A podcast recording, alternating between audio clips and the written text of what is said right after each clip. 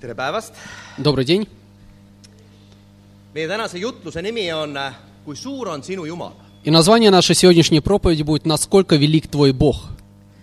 ja ma mõtlen seda, et kui me, kui me lahkume siit saalist, kui me vaatame natuke kogudusest väljapoole, И знаете, я думаю о том, что когда мы выйдем из этого зала, и когда мы посмотрим на людей, может быть, вне церкви, nende ringkondade peale, kus kohas meie liigume, а, на людей, которые окружают нас, среди которых мы обращаемся, siis kuidas meile tundub, kas Jumal on seal au sees?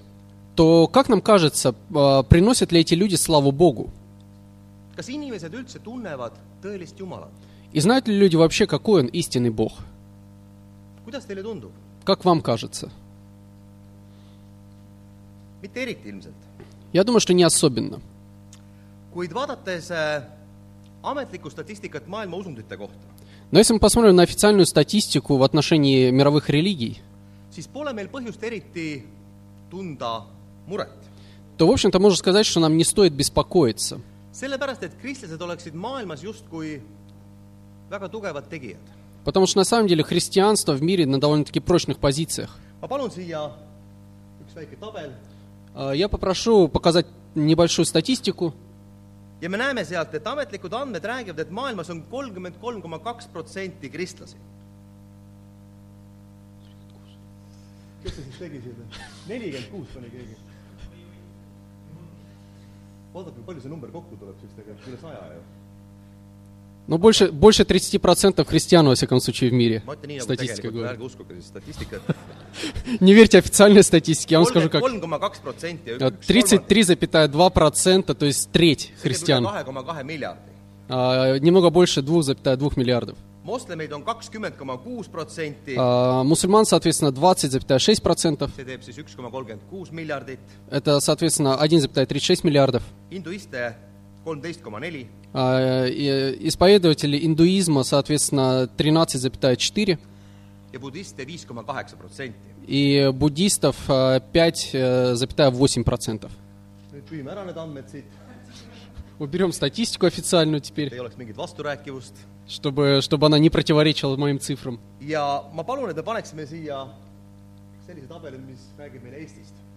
И на самом деле я попрошу, чтобы мне показали картинку, которая говорит о ситуации в Эстонии. А, Эстонские церкви, они точно так же собрали статистику. ja see räägib, et rahvastikust äh, üle kolmekümne protsendi on kristlased. И эта статистика говорит, что более 30% населения Эстонии христиане. Это данные Министерства внутренних дел 2010 года. Но если мы посмотрим э, в числах, то это более 400 тысяч человек. Если вы смотрите на эту статистику и слышите ее, то как вам кажется, верите ли вы ей? usu. Ну, на самом деле хорошо, если вы не верите. Потому что на самом деле, если ты посмотришь вокруг себя, то ты не увидишь этой картины нигде. Знаете, но если честно, если в этом мире жило бы 2,2 миллиарда христиан, христиан, которые действительно следуют учению Библии, то мир выглядел бы по- по- по-иному. Sa näeksid kristlasi igal pool, lennujaamades, tänavapildis, bussipeatustes. Э, Ты встречался бы с христианами везде, в, в аэропорту, на улице. see linn oleks täis, ma ei tea, kristlikke abiorganisatsioone, keskusi. Этот город, он был бы заполнен христианскими организациями и центрами помощи. kogu see maailm oleks rohkem Kristuse moodi. И весь мир, он бы был немножко больше похож на Христа. kui meie riigis elaks üle neljasaja tuhande kristlase, Если бы в нашем государстве жило более 400 тысяч христиан, которые действительно следовали бы за Христом и следовали Его учению, тогда государство выглядело бы по-другому.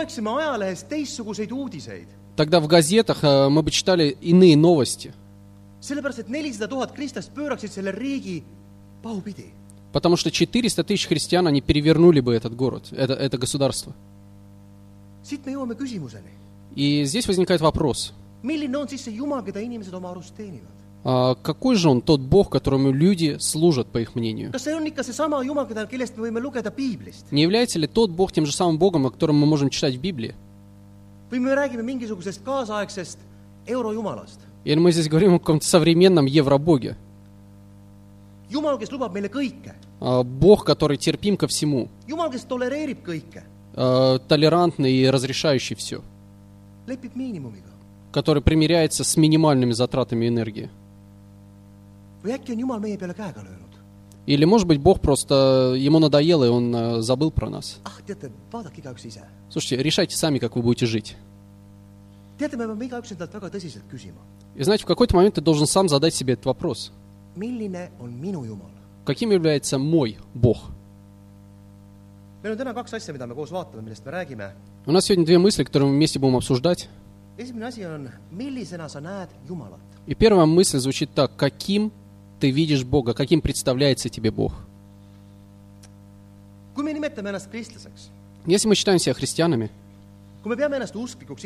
если мы считаем себя верующими людьми, тогда на самом деле стоит задать себе вопрос, насколько большой, насколько великий авторитет в моей жизни у Бога. Kui palju ruumi, kui palju mõjuvõimu saab Jumal sinu elus? Насколько Бог влияет на мою личную жизнь. sellega me tegelikult deklareerimegi, kui suur on minu Jumal. Потому что на самом деле это показывает, насколько велик твой Бог. sellepärast, et äh, mida suurem on meie Jumal, Потому что чем более велик наш Бог, seda, seda väiksemad oleme selle juures meie ise. Тем э, более незначительными, может быть, мы сами представляемся на его фоне.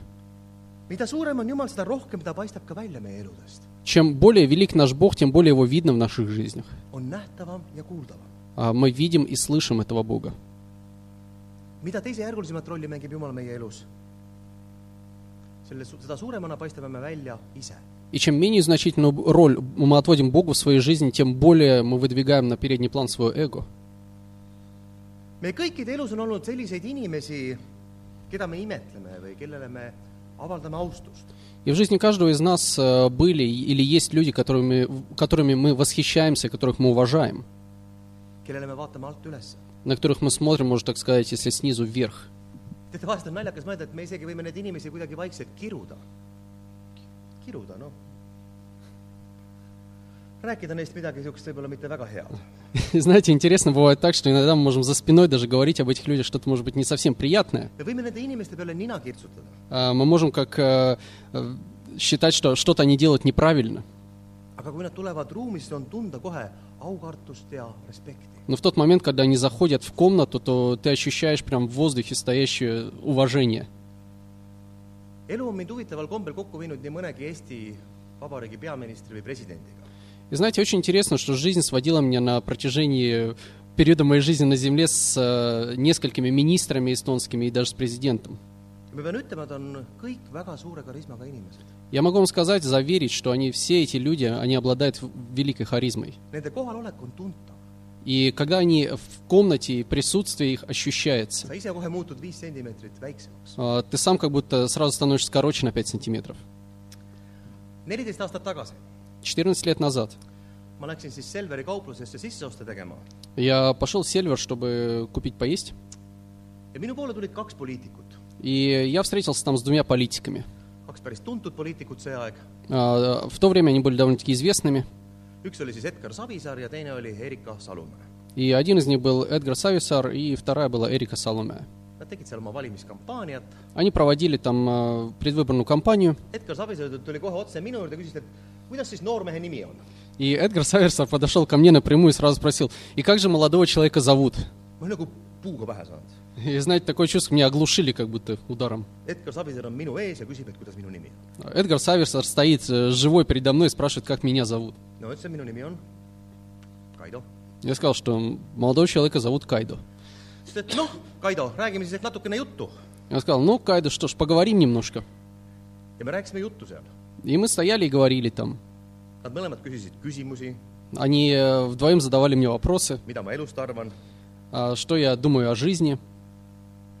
teate, ma pean teile ausalt ütlema, et ma olin lummatud.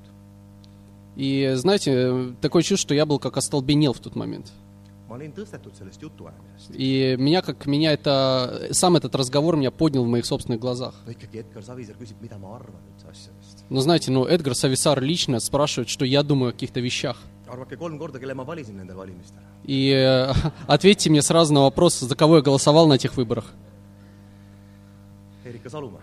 За Эрику Салуме, конечно. aga me oskame tegelikult väga hästi anda austust inimestele, kes seda väärivad ja ja ka neile, kes seda võib-olla ei vääri, las Jumal otsustab, kes väärib ja kes ei vääri. Но знаете, зачастую мы можем оказывать великие знаки почтения людям, которые, которые достойны этого, и даже тем, может быть, которые недостойны. Я думаю, что пусть Бог решает, кто достоин, кто нет. Но задумайся, вспомни о тех людях, которых ты уважаешь. Может быть, это твой начальник,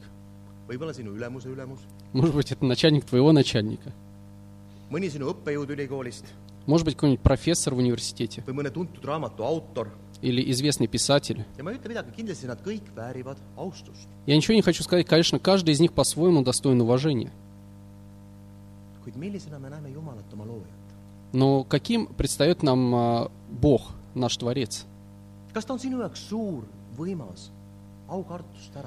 Является ли Он для тебя в твоей жизни великим, а, всемогущим и достойным почтения? Kas tema kohalolek sinu elus on tuntav? А Ощущается ли Его присутствие в твоей жизни? teate, ilmutuse raamatu neljandas peatükis räägitakse meile Johannese nägemusest taevasest jumalateenistusest. И знаете, в четвертой главе книги Откровения рассказывается нам о видении Иоанна в отношении богослужения на небесах. Давайте вместе прочитаем его. ilmutuse raamat neljas peatükk , värsid kaheksa kuni üksteist . А, Четвертая глава книги Откровения с 8 по 11 стихи. ja siin on öeldud siis . ning neil neljal olevusel oli igaühel kuus tiiba ümberringi ja seest silmi täis . ning nad ei lakanud ööl ega päeval hüüdmast . püha , püha , püha on issand Jumal kõige väeline , kes oli ja kes on ja kes tuleb . iga kord, kui olevused andsid au ja austuse tänu sellele, kes istub troonil ja elab igavesest ajast igavesti, langesid kakskümmend neli vanemat troonilistuja ette ning kummardasid teda, kes elab igavesti, igavesest ajast igavesti. ja heitsid oma pärjad trooni ette hüüdes, sina, meie issand ja Jumal, oled väärt võtma au, austust ja väge. sest sina oled loonud kõik, kõik olev on loodud sinu tahtmise läbi. И каждый из четырех животных имел по шести крыл вокруг, а внутри они исполнены очей. И ни днем, ни ночью не имеют покоя, взывая «Свят, свят, свят Господь Бог Вседержитель, который был, есть и грядет». И когда животное воздает славу и честь и благодарение сидящему на престоле, живущему во веки веков, тогда двадцать четыре старца падают пред сидящим на престоле и поклоняются живущему во веки веков, и полагают венцы свои пред престолом, говоря, Достоин Ты, Господи, принять славу и честь и силу, ибо Ты сотворил все, и все по Твоей воле существует и сотворено. И здесь мы можем немножко получить представление о том, какой Бог. И можем, э, нам представ- перед нашими глазами предстоит картина того, каким выглядит богослужение на небесах. inglid ei lakka seda korrutamast päeval ja ööl. И ангелы, они не повторяются, э, а- они прекращаются провозглашать славу и святость Божью днем и ночью. Днем и ночью. Свят, свят, свят Господь Бог Вседержитель. Давайте представим себе на, на мгновение, что днем и ночью ты слышишь вот эти возгласы. Ma palusin meie ülistusjuhte spetsiaalselt, et me laulaksime enne seda jutlust laulu Püha, püha, püha. Я специально попросил нашего руководителя хора, чтобы мы спели вот эту песню «Свят, свят, свят» перед проповедью. ja ma usun, me peame väga tõsiselt mõtlema, kuidas me väljendame ennast. Я думаю, что мы должны серьезно задать себе вопрос, как я выражаю свои мысли иногда. kas see on lihtsalt üks laul meie jaoks А является ли вот эта песня «Свят, свят, свят» просто какой-то песней, которую я тарабанил? või me mõtleme seda tõesti kogu südamest, et püha, püha, püha. Или я действительно всем сердцем ощущаю и понимаю святость Бога?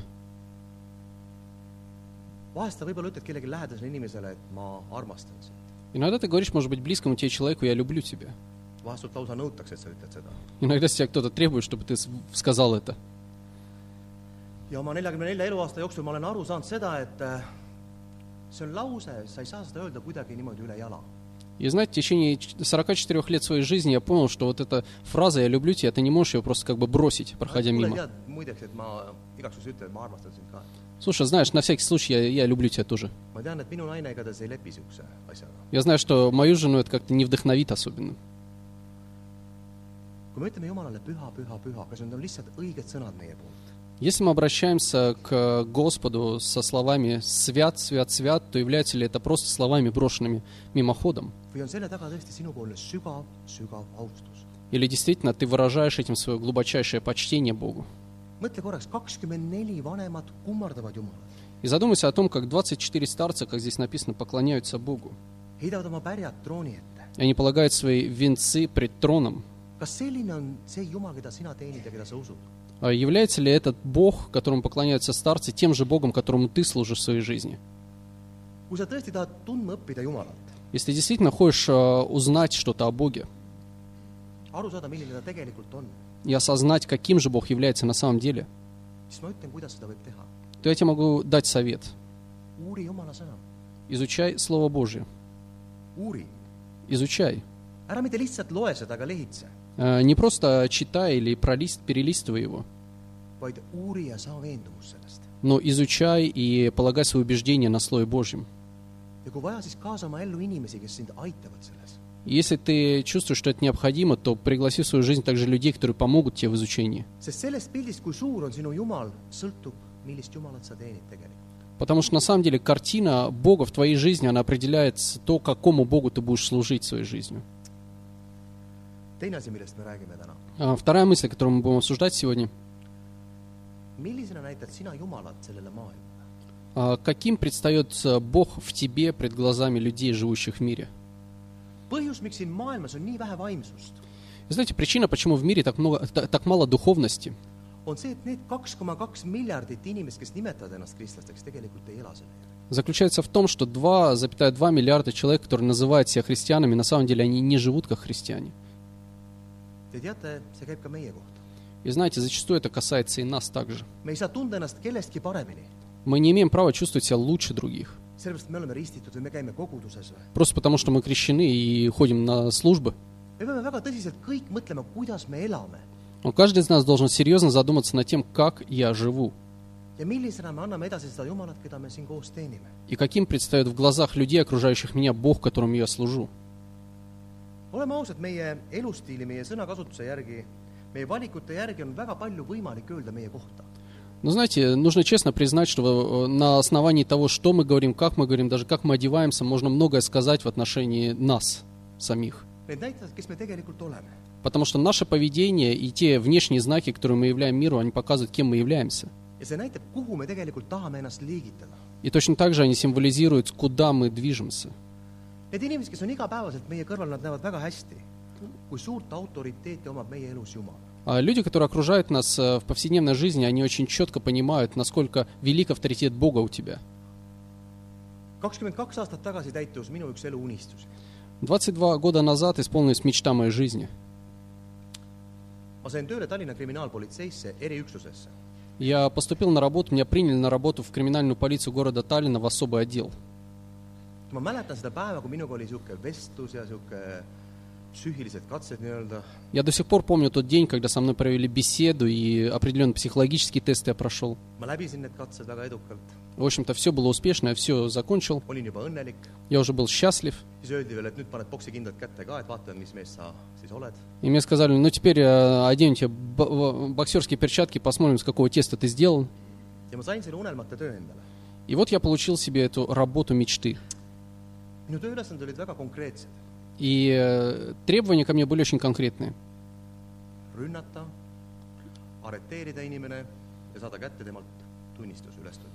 А, У меня было три задания. Атаковать, арестовать человека и выбить из него признание. Знаете, жизнь как в кино. Э, Каждый маленький мальчик мечтает об этой профессии. neli aastat ma töötasin sellel ametikohal И в течение четырех лет я работал на этой позиции. И однажды меня крестили в этой церкви. И знаете, у меня возник серьезный внутренний конфликт.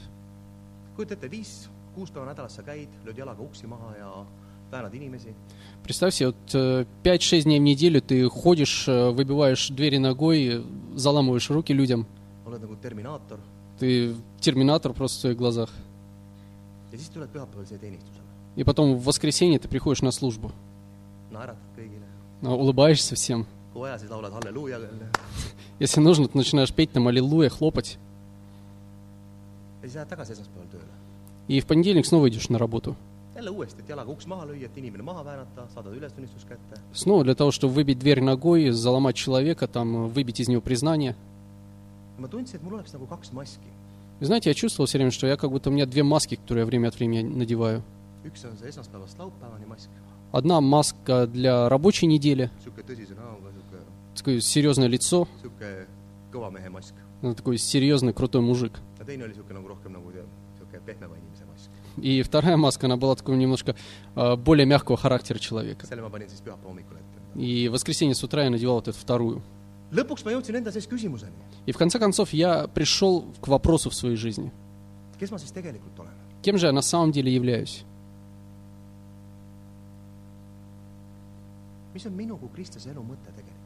Что является целью и смыслом моей христианской жизни? Ma loen piiblist ja ma saan aru, et Jumal tahab, et inimesed näeksid minu häid tegusid ja annaksid selle läbi au Jumalale. Потому что когда я изучаю Библию, то я вижу, что Библия говорит о том, что люди должны видеть мои добрые деяния и, и тем самым воздавать славу Богу за них. loomulikult ma võtsin alati ennast mõelda õigeks ja öelda, et ma võitlen ju kuritegevuse vastu, saage aru. А, да, конечно, я всегда мог найти себе правильное оправдание. Я, я даже думал, что я же борюсь с преступностью, вы должны понять меня. aga samas ma pidin ka olema aus, ega neid häid tegusid ei paistnud mitte kuskilt välja. Но в то же время я, честно смотря на свою жизнь, должен был признать, что, в общем-то, не особо там видны добрые деяния. И на самом деле в своем сердце я четко осознал, что здесь тот момент, когда я должен сделать выбор. Какую сторону я приму?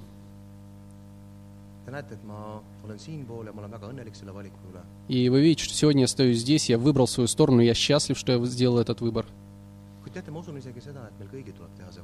Но знаете, я думаю, что каждому из нас в какой-то момент жизни нужно сделать этот выбор. И, может быть, э, подобного рода выборы, они э, зачастую случаются в наших жизнях. Но знаете, этот выбор, он прежде всего необходим для самих нас.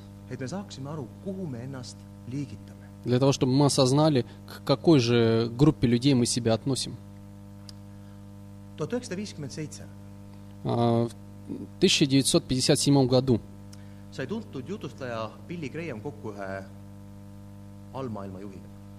а, известный проповедник Билли Грэхэм, он встретился с э, крестным отцом мафии. ja, ja ta proovis seda gängsterit panna parandama meelt. И эм, у него была, его задача была просто э, заставить этого человека покаяться, привести его к покаянию. Ja ta rääkis talle, mis võimalusi pakub Jumal ja mida tal tuleks muuta. И он говорил ему о тех э, великих возможностях, которые предлагает в его жизни Бог, и в чем он должен раскаяться в своей жизни. ja see gängster ei tahtnud eriti, ta kaitses ennast. И этот гангстер, он, в общем-то, не, не защищался даже. ta ütles, et tead, ma olen tuntud tegija. Он говорил, слушай, знаешь, я, я крутой мужик. ma olen omal alal edukas. Я, в общем-то, я добился успеха в своей жизни. ta ütles, et teate, igalühel on oma töö ja oma anne. И он говорит, ты, ты должен понять, что просто у каждого есть своя работа и свой талант. mina olen gängster. И я, я просто гангстер. sa oled, teate, kui on olemas muusikuid kristlasi, sportlasi kristlasi, kui on olemas poliitikuid kristlasi, Ну, Знаешь, например, если есть э, музыканты-христиане, есть политики-христиане, siis mina võiksin olla gängster kristlane. то я же могу быть гангстер-христианин. ja teate, kui väga ka Billy Graham ei tahtnud, ta ei saanud seda meest aidata. И знаете, насколько э, Билли Грэхэм не хотел, он не смог помочь этому человеку. see mees suri ilma kahetsemata. И тот человек э, погиб э, без возможности покаяться. Точно так же дела обстоят и с нашими жизнями. Если мы не готовы просто разжать руки отпустить вещи, которые мы считаем своими, то Бог не может нам помочь. Meie probleem ongi tihti see, et me tahame korraga istuda kahe tooli peal. Зачастую наша проблема э, заключается в том, что мы хотим сидеть одновременно на двух стульях. me tahame teha asju, mis meile meeldivad, Мы хотим заниматься теми вещами, которые нам нравятся. elada võimalikult mugavalt, Мы хотим прожить довольно-таки удобную жизнь, nautida selle maailma võlusid kõike а, наслаждаться всем тем, что мир предлагает нам. ja siis kuidagi sobitada selle sisse ka kristlus. И каким-то образом попытаться втиснуть в наше понимание жизни также и христианство. Mida sa oled valmis tegema, muutma või ohverdama Kristuse pärast? Но что ты готов сделать, что ты, чем ты готов пожертвовать в своей жизни или изменить ради Христа? Я абсолютно убежден, что ты уже принимал подобный выбор, подобного рода выборы в своей жизни. Но знаете, но ситуации постоянно меняются. Что, на что ты сегодня готов? Задай себе этот вопрос. ja mõtle selle peale, mida Kristus oli valmis tegema sinu eest. И э, э, задай себе вопрос, что Христос был готов сделать ради тебя. А, То, о чем Марко говорил во время причащения. me loeme esimese Johannese kirjas teisest peatükist värsid viisteist kuni seitseteist. А, Мы прочитаем из э, первого послания Иоанна, второй главы, с 15 по 17 стихи. ja siin öeldakse, ärge armastage maailma ega seda, mis on maailmas. kui keegi armastab maailma , siis ei ole temas isa armastust . sest kõik , mis on maailmas , lihaimu ja silmaimu ja elukõrkus , ei ole isast , vaid maailmast . ja maailm kaob ja tema himu . aga kes teeb Jumala tahtmist , püsib igavesti . Не любите мира, ни того, что в мире. Кто любит мир, в том нет любви отчей. Ибо все, что в мире, похоть плоти, похоть очей и гордость житейская, не есть от Отца, но от мира сего. И мир проходит, и похоть его, а исполняющий волю Божью пребывает вовек.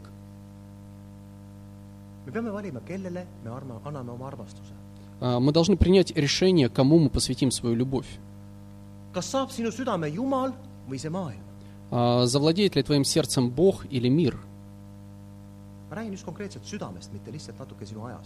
Я говорю конкретно о твоем сердце, не о какой-то частичке твоего времени. Ma olen kuulnud väga palju, ma ainult, isegi kristlased diskuteerivad väga erinevatel teemadel, Знаете, я зачастую слышал даже христиан, спорящих на различные темы. mille tegelik eesmärk on laiendada oma isiklikke volitusi. А, И на самом деле целью этих споров является просто расширение своей, какой-то, св- своей власти и, и желание оградить себя от власти Бога. näiteks räägitakse vahest, et noh, me saame aru, et raha ei ole ju patt.